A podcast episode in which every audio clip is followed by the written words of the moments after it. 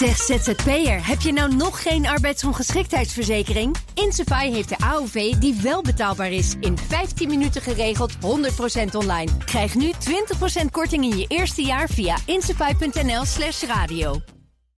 Economenpanel. Sinds 2020 heeft de wereld 3500 miljard dollar schade geleden door corona, oorlog en klimaatverandering. Berekening van het IMF.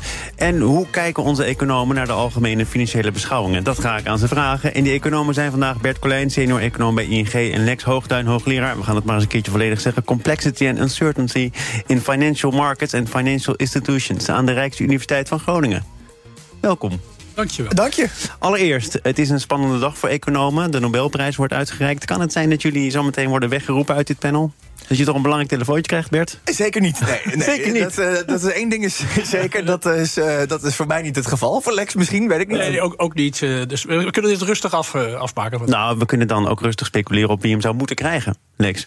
Ja, ik vind al, al jarenlang dat eh, John Taylor, monetaire econoom, bekend van de eh, Taylor-regel, die zowel grote invloed heeft eh, op de beleidsvorming, maar ook op eh, economische monetaire theorie, dat hij hem, ja, die had, hem, die had hem al moeten krijgen, wat mij betreft. Maar, maar zit hij een beetje in de gevarenzone? Hoe oud is die? Nou, ik weet niet precies hoe oud hij is, maar hij zal er wel richting de 80 gaan als hij er wel niet, niet overheen Dan wordt tijd. Dus. Ja, en in het verleden werd ik, werd ik ook door, door het comité ook gevraagd, als zoals heel veel economen, om suggesties te doen. Ik heb een aantal jaren heb ik John Taylor eh, gesuggereerd, maar dat heeft niet, eh, niet geholpen.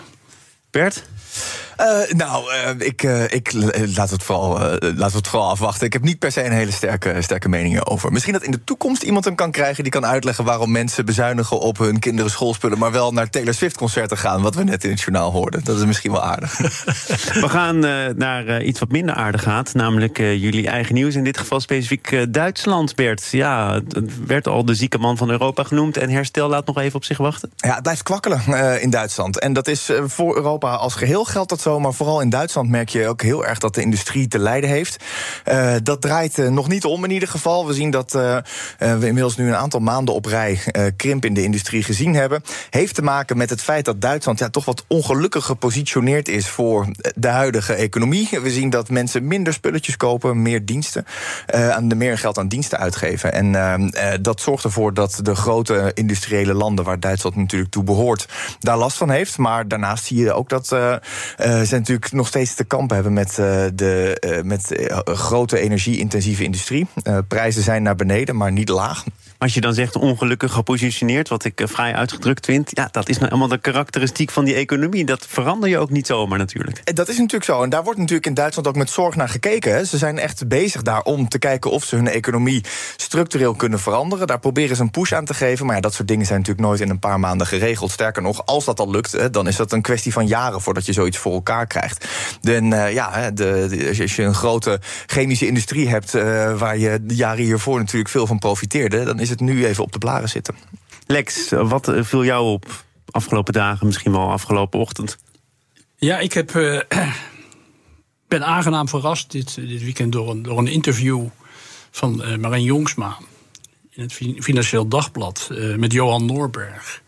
Eh, een econoom die een, tijdje terug eh, het de Capitalist Manifesto heeft gepubliceerd. eh, Why the Global eh, Free, eh, free Markets Will Save, eh, save the World. En waarom vind ik dit nu eh, opmerkelijk? Omdat er eh, in de hele westerse wereld eigenlijk, en zeker ook in Nederland, eh, over heel veel meningsverschillen bestaan. Maar eigenlijk is men het allemaal eens over het feit dat we eh, de laatste decennia eh, de- door doorgeschoten marktwerking. eh, door ongebreidelde marktwerking allerlei problemen eh, over ons hebben eh, afgeroepen. En dat het nu tijd is voor de overheid om de eh, regie te nemen. En ik denk dat het een volkomen verkeerde diagnose is, die ook tot heel verkeerde uitkomsten gaat eh, leiden. En hier zie ik nu iemand eh, die, dat, die dat ook vindt, die daar ook eh, de dingen over heeft opgeschreven. Dus dat vond ik echt een groen sprietje van hoop. En dat was een En, en waarom, waarom zou het kapitalisme verdedigd moeten worden? Want ik geloof dat deze econoom dat al een tijdje tot zijn takenpakket rekent. Hij heeft twintig jaar geleden ook een beroemd boek geschreven. Ik geloof dat dit een vervolg is. Wat is zijn pleidooi? Zijn, pleidooi is om eh, markten te, te laten eh, werken en, eh, de kapitalistische eh, economie eh, ja, te erkennen als de, de bron van eh, welvaart. Ook de bron van het, eh, van het oplossen van allerlei problemen. Hij laat bijvoorbeeld ook zien dat de laatste decennia bijvoorbeeld de armoede wereldwijd heel sterk is gedaald. Nou, dat kun je voor allerlei andere zaken kun je dat laten, laten zien. Dus daar hoeft de overheid niet per se een dwingende of primaire rol te spelen? Integendeel, uh, de overheid die zich ermee gaat uh, bemoeien, die maakt vaak de zaken uh, erger en leidt tot het uitstel van oplossingen en het niet effectief zijn van allerlei maatregelen. Wat je, wat, je, ja, wat je ook om je heen ziet gebeuren als je erover hebt. Nou, we hadden zo uh, ook oog voor uh, de algemene financiële beschouwingen. We kunnen daar rustig op doorgaan. Uh, want er was natuurlijk een grote verbouwing aangekondigd van de miljoenennota voor 4 miljard. En toen kwam daar, voordat die algemene financiële beschouwingen losbarsten, een strenge brief van het kabinet. beste leden van het parlement, je kunt het allemaal wel willen. Nieuwe belastingen, dekking uit groeifondsen. Maar die belastingen die kunnen voor een deel niet worden doorgevoerd. Of de dekking deugt niet, of de. de begrote opbrengsten. Daar denken wij toch anders over. Hoe hebben jullie gekeken naar die afgelopen dagen, Bert? Ja, nou, het is natuurlijk wel heel interessant om te zien hoe dat, uh, hoe, hoe dat politieke speelveld nu uh, met uh, deze voorstellen omgaat. Het is natuurlijk toch een beetje, een beetje onduidelijk waar het naartoe gaat. Veel, je hoort er veel verkiezingen in door. Ehm, wat natuurlijk logisch is als dat over een paar weken al, op de rol staat. Um, en het wordt er op zich ja, wordt het er niet per se duidelijker van welke kant het nu uiteindelijk precies op gaat. Het is op zich best een, een, een verwarrend speelveld wat zich nu, wat zich nu afspeelt. Um, waarbij het nog niet helemaal duidelijk is wat je nu hier uiteindelijk van, van overhoudt. Het is nog een beetje troebel, Lex. Wat kun jij daar wel over zeggen? Nou, ik, eh, ik ben het heel erg met het uh, kabinet uh, eens. Ik vind het heel duidelijk politiek gedomineerd wat we allemaal, wat we allemaal aan voorstellen hebben gezien de knop bij politieke partijen, misschien hopelijk zou ik bijna zeggen, eh, door, door de uh, verkiezingen, is duidelijk nog niet om. Dat, uh, dat, dat het geen tijd nu is om, om nieuwe uitgaven nog maar weer eens op de rails te zetten. Dat het niet verstandig is om accijnsverlagingen in stand te houden. Ik geloof dat we een paar weken geleden hier zaten... toen het rapport van de studiegroep Begrotingsruimte uh, was uh, gepubliceerd. Dat zegt de knop moet om. Uh, nou, die knop is in, de, in politiek Den Haag nog niet, nog niet om, helaas. Jij was er toen ook niet van overtuigd... dat die studiegroep Begrotingsruimte veel gehoor zou vinden in de Kamer? Dus dat klopt dan uiteindelijk wel? Op dit moment nog niet. Nou had ik dat ook niet onmiddellijk verwacht, gegeven de uh, verkiezingstijd. Maar het, het, vervelende hiervan is...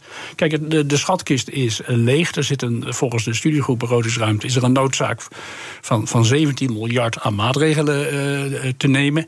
Nou, daar hoor je nu in Politiek Den Haag hoor je daar niemand over. Je hoort wel wat gesputter, dat het misschien ook allemaal niet uh, nodig is. Het grote gevaar hiervan is dat we in de, de verkiezingsstrijd daar ook helemaal niet aan toekomen. Dat partijen ook helemaal niet zeggen waar ze op gaan, uh, gaan, gaan bezuinigen of welke belasting ze gaan uh, verhogen. En dan krijgen we straks informatie en dan blijkt ineens dat er van alles moet gebeuren. En dan kunnen we de hele discussie over we hebben een nieuw vertrouwen in de politiek. Kunnen we opnieuw beginnen. Want niets is zo uh, funest als dat. Bert, hoe leeg is die schatkist? Hoe penibel zijn die overheidsfinanciën? Nou, dat, ik, dat, op zich uh, is het natuurlijk zo dat we de afgelopen tijd zien dat het kabinet flink ruimte genomen heeft. Uh, en uh, flink veel uitgaven gedaan heeft die niet gedekt zijn. Dus je nu in de discussie, als je daar misschien een klein lichtpuntje, een groen sprietje, zoals Lex het net noemde, in mag zien, dat het natuurlijk nu wel het heel veel de discussie ook wel over dekking gaat.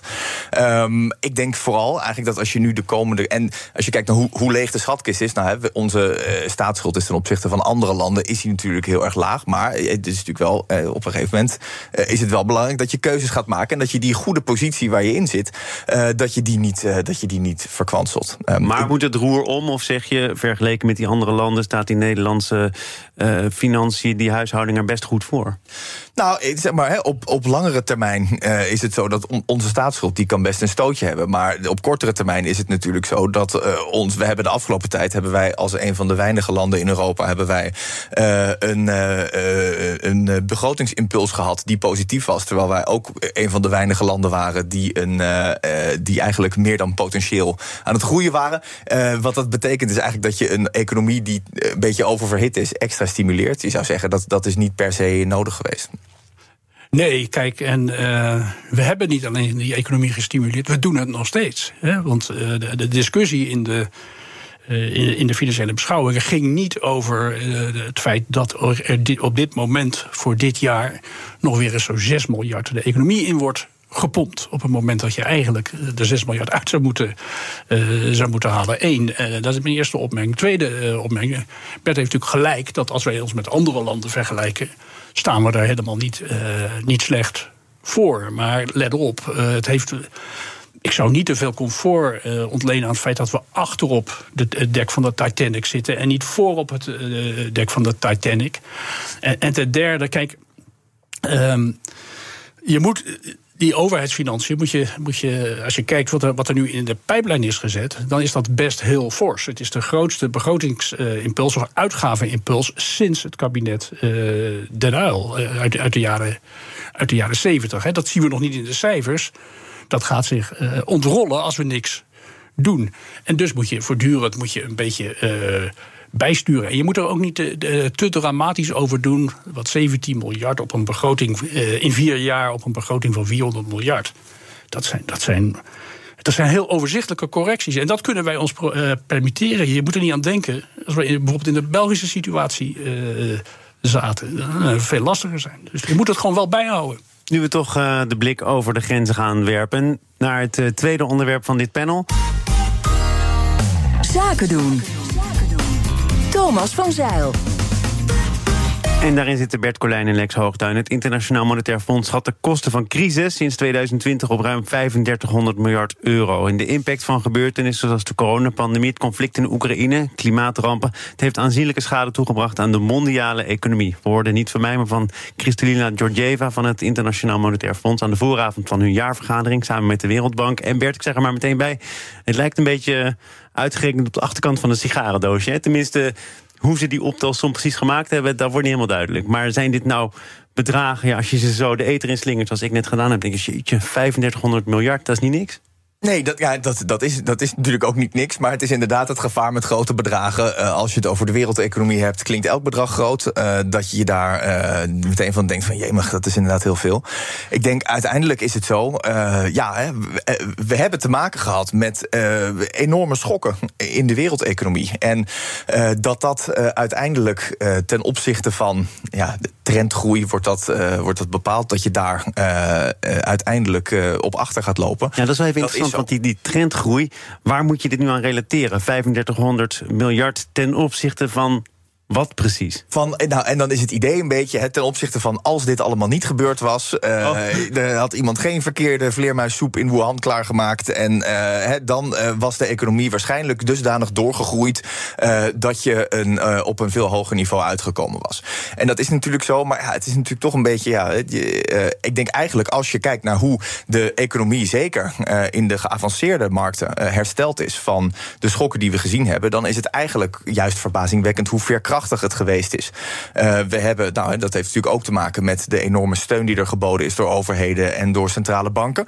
Maar je ziet eigenlijk dat het herstel is heel sterk geweest. En we hebben te maken gehad met economieën die uh, nou, tussen de 10 en 20 procent krompen in twee kwartalen in 2020. En daar hebben we eigenlijk uh, bijna niet de negatieve effecten van gemerkt. Want je zou verwachten dat dat tot langdurige werkloosheid en veel faillissementen zou leiden. Dat hebben we eigenlijk. Maar zeker het IMF en de Wereldbank aan de ogen natuurlijk niet sluiten voor die economieën die niet behoren tot dat groepje waar jij het net over had. Dat is helemaal waar. En daar zie je natuurlijk dat dat absoluut zo is. Hè. Dus in uh, de opkomende markten zie je dat die veel last gehad hebben. Uh, die konden zich minder wapenen, konden minder steun bieden. Hebben ook nog eens nu te maken met te kampen met een hele hoge rente in de Verenigde Staten. Op basis van de inflatie die de Amerikaanse steun aangewakkerd heeft. Nou, dat zorgt er weer voor dat zij meer moeite hebben om hun schulden af te betalen als die in dollars zijn. dus je ziet dat die, ja, daar zie je toch dat de, de impact dat die daar voortduurt. Zo'n bericht, zo'n statement, zo'n toespraak, dat komt natuurlijk niet zomaar op dit moment naar buiten. Want die jaarvergaderingen die staan deze week op het uh, programma. Als je dit nu allemaal tot je neemt en die speech van Georgieva's uh, uitpluist. Wat betekent dat dan voor wat er deze week besproken zou moeten worden, Lex? Ja, wat er besproken zou uh, moeten worden, is hoe je hier op een uh, verstandige manier uh, weer, weer uitkomt en weer vooruitgang boekt en een basis gaat leggen voor, voor houdbare, houdbare groei.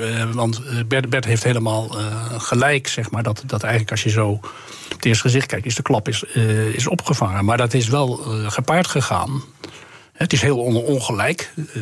dus de landen die het het slechtst doen, die hebben de klap ook het slechtste opgevangen. Maar het is ook heel sterk op, opgevangen door een ja, heel extreem ruim budgetair en monetair beleid, waardoor eigenlijk de hele wereld met een, schulden, een schuldenvraagstuk zit. En hoe je dat aanpakt en hoe je combineert met elkaar die schulden weer, weer op redelijke niveaus brengen. Tegelijkertijd het klimaatbeleid doorvoeren en toch ook koopkracht voor mensen te handhaven. Dat is een grote puzzel. Waar het IMF al, al over naar buiten heeft gebracht, ik geloof in hoofdstuk 3, die klimaatverandering en de transitie en daarmee omgaan dat jaagt die staatsschuld alleen maar verder aan. Ja, dus dat is, dat is een heel lastige uh, pakket waar de, ja, ik zou bijna zeggen, de wereldeconomie in zit. Hoe combineer je die dingen met, met elkaar?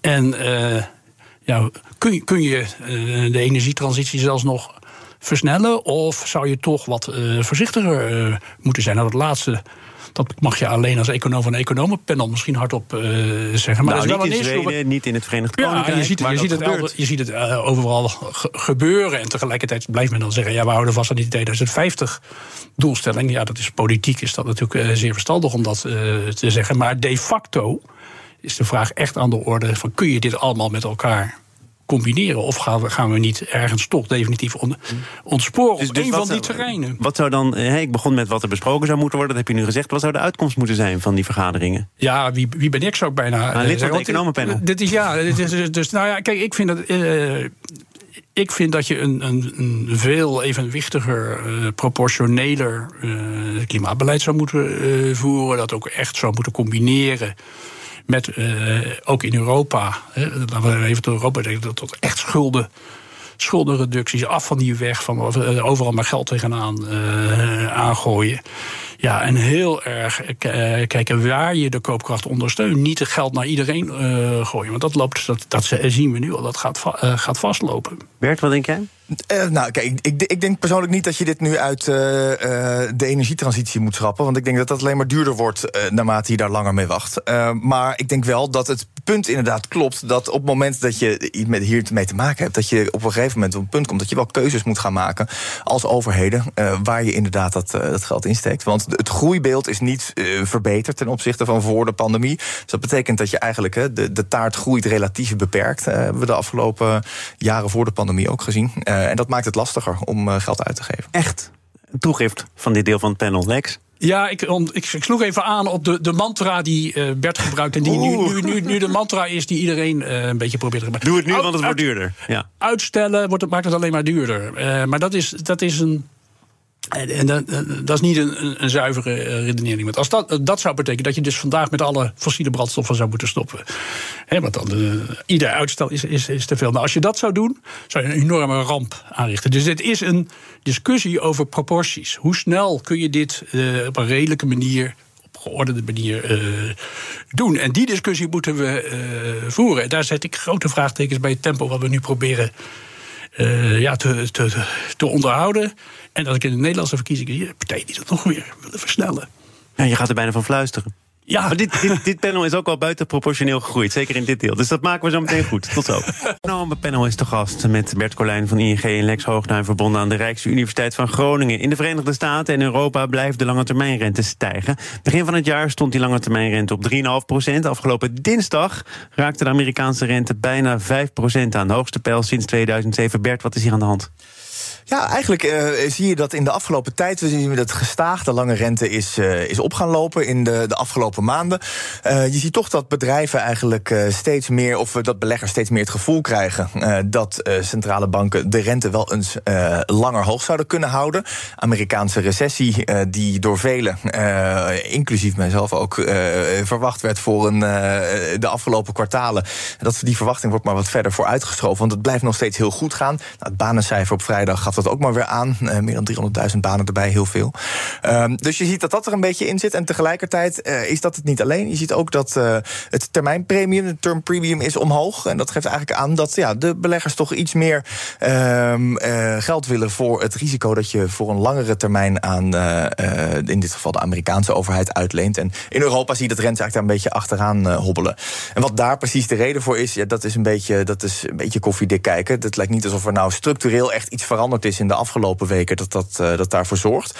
Ehm, maar je kan natuurlijk wel bedenken dat met bijvoorbeeld shutdowns die de hele tijd net afgewend worden, dat daar misschien iets van, van daarin zit. Ja, maar goed, ja, weer bijna 5 procent momenteel. Op obligatiemarkten, daar gaat het eigenlijk bijna nooit over. Ook niet op deze plek. Vorige week was dat anders. Hè. Werd er gesproken over een crash van de obligatiemarkt. Afgelopen vrijdag dan weer over een tijdelijke top. Enige ontspanning zelfs. Hoe kijk jij daarnaar vanuit een meer analyserend perspectief? Nou, kijk, het is, het is in principe is het, uh, is het toch wel vrij, vrij broeierig. Um, en je ziet dat, uh, ja, dat eh, beleggers een beetje worstelen met waar nu uiteindelijk de rente op wat langere termijn zal moeten, gaan, zal moeten gaan landen. Het lijkt erop dat we inmiddels de piek in centrale bankrentes bereikt hebben. Of wellicht dat in de VS er nog een kwart procentpunt bij zou kunnen, zou kunnen komen. Dat is waar momenteel nog een beetje over gesoebat wordt onder analisten of dat het geval zou, zou moeten zijn. Um, maar over het algemeen is dan ook heel erg de vraag die nu speelt: van ja, wat is de rente? Eh, op langere termijn, waar ligt dan het, eh, min of meer het evenwichtspunt? Waar gaat dat terug naartoe? Um, en dat geeft veel nervositeit, heeft ook veel te maken met of nou op korte termijn de Amerikaanse economie inderdaad in recessie gaat. Dus er speelt eigenlijk een, een hoop waar obligatiebeleggers wat nerveus van kunnen worden. Um, en ja, het lijkt ons er wel op dat we nu toch wel op een punt zitten dat de piek toch ook wel waarschijnlijk vrij snel bereikt zal zijn. Maar dat heeft ook heel erg te maken met wat of je optimistisch of, of pessimistisch naar de Amerikaanse economie kijkt. En waarom is het belangrijk voor de mensen die nu luisteren? Want obligatie, ik kan me voorstellen, dan gaat het volume omlaag of gaat hij op een andere zender. Maar het doet er wel toe natuurlijk. Nou ja, het renteniveau op zichzelf natuurlijk doet er, uh, doet er toe. En ook de, de onzekerheid over het niveau van de rente, de, volatiliteit zoals je dat uh, noemt. Het nemen van langere termijn beslissingen wordt natuurlijk heel sterk uh, beïnvloed door het renteniveau en ook door de variabiliteit erin.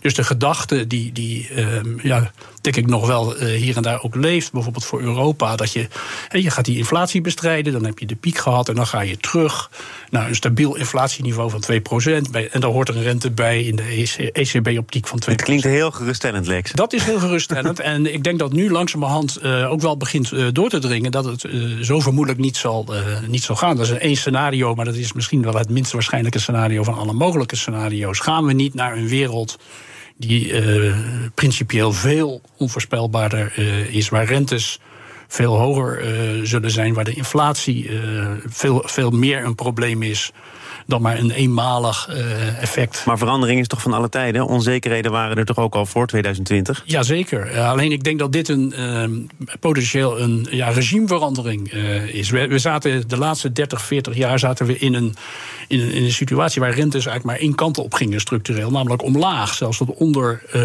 nul. Centrale bankiers die ook zeiden. Ga er maar vanuit. Hoge rentes ook die de gaan gedachte van uh, lang, uh, de, de, rente zal altijd laag blijven. Inflatie is een probleem van het uh, verleden. En we zijn nu hard wakker aan het worden. En als je gewoon kijkt wat de, de trends in de wereld zijn, dan is, er, dan is eigenlijk een. Dan komen we in een andere wereld terecht. We hadden het er straks over klimaatbeleid. Klimaatbeleid is op zichzelf wat je noemt stagflatoir. Dat leidt tot minder groei en hogere, uh, hogere prijzen. Uh, we zien in de wereld uh, grote geopolitieke tegenstellingen. als gevolg daarvan ook protectionisme strategische autonomie. Dat leidt tot hogere prijzen en dat leidt tot minder groei. En, en zo, is het. Uh, vergrijzing leidt in eerste instantie, hebben we gezien, tot lagere rentes. Maar op een gegeven moment gaat die vergrijzing zich feitelijk voordoen.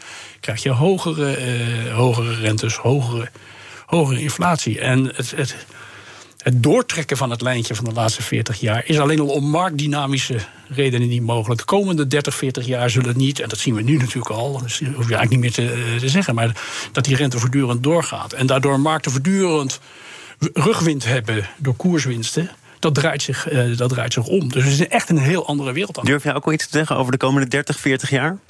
Nou, kijk, eh, de trends die Lex benoemt, eh, die zijn inderdaad, lijken die uh, wat de andere kant op druk te geven dan wat we de afgelopen tijd gezien hebben. En de vraag is in welke mate dat het geval is. En daar, je ziet heel erg dat daar beleggers mee aan het stoeien zijn. Hè. Is dit iets wat uh, structureel een, een half procentpunt extra inflatie erbij geeft? Wow, dan, dan is de, de impact is niet, hoeft niet per se gigantisch te zijn.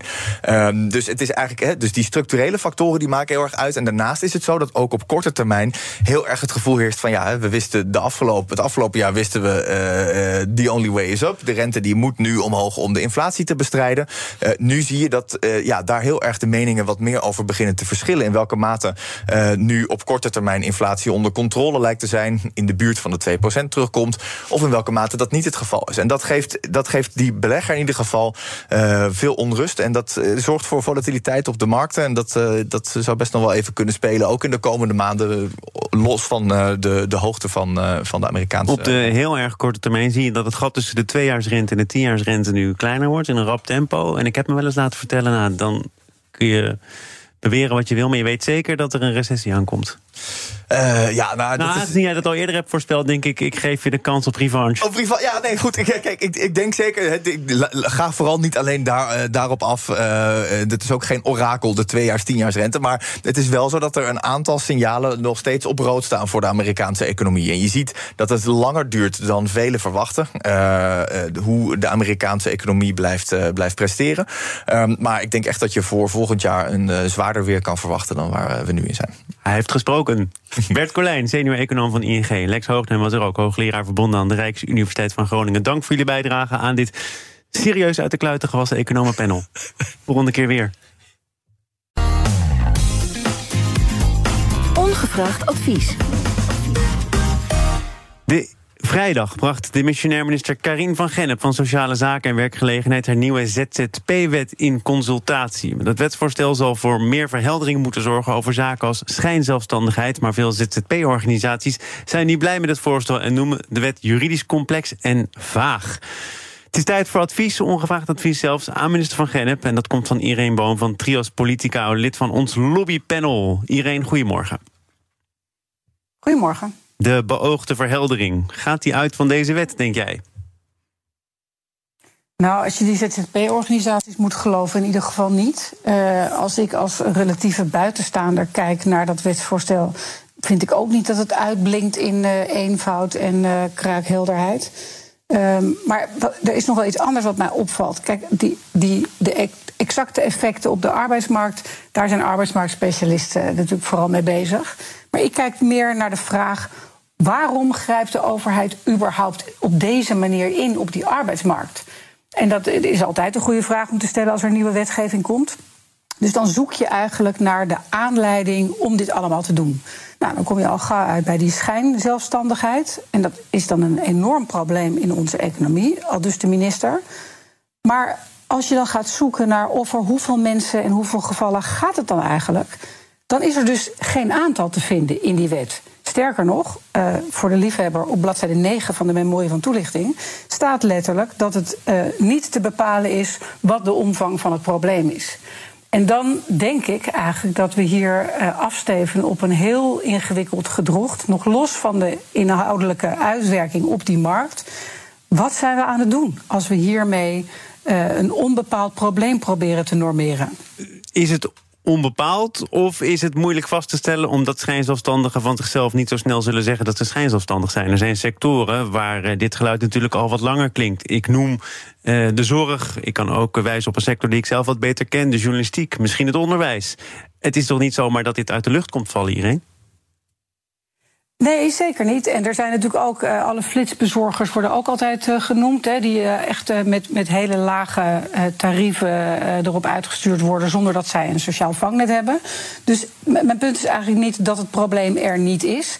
Maar wetgevingstechnisch heb je wel een afgebakend probleem nodig. En dat ontbreekt hier. Daarbij vind ik zelf zorgelijk dat in de huidige arbeidsmarkt, waar een enorme krapte aan de ene kant is, aan de andere kant een enorme vergrijzing op ons afkomt. En onze generatie en de generaties na ons echt een opgave krijgen om zorgtaken en werktaken te gaan combineren. Is het denk ik een hele logische ontwikkeling dat er veel uh, uh, werknemers kiezen voor zelfstandig ondernemerschap dat je probeert dat een halt toe te roepen, uh, dat, dat, dat kan een streven zijn. Maar de, de redenen die aangevoerd worden, dus de, het probleem wat zogenaamd op moet, opgelost moet worden, is eigenlijk niet de juiste in dit voorstel. Behalve dat als jij zegt mensen die kiezen voor een zelfstandig bestaan als ondernemer, daar zal niet zo heel veel mis mee zijn. Er zijn natuurlijk ook zat organisaties en sectoren te noemen waarin het geen keuze is, maar in wordt gesteld als jij wil werken in het ziekenhuis of voor ons bedrijf in de journalistiek, dan gaat dat via deze constructie. We bieden jou geen vast contract aan. We nemen het voor lief dat jij het voor eigen rekening neemt. En dat kan ook voor problemen zorgen op het moment dat mensen geen pensioen opbouwen, niet verzekerd zijn tegen arbeidsongeschiktheid. Enfin, je kent het hele rijtje wel. Ja, ja, dat is natuurlijk. Van oudsher is het natuurlijk zo dat als je wel de keuze zou hebben, je doet het als werknemer, dan worden al die premies afgedragen en dan wordt er voor je gezorgd. Zeg ZZP'er, heb je nou nog geen arbeidsongeschiktheidsverzekering? Insafai heeft de AOV die wel betaalbaar is. In 15 minuten geregeld, 100% online. Krijg nu 20% korting in je eerste jaar via insafai.nl/slash radio.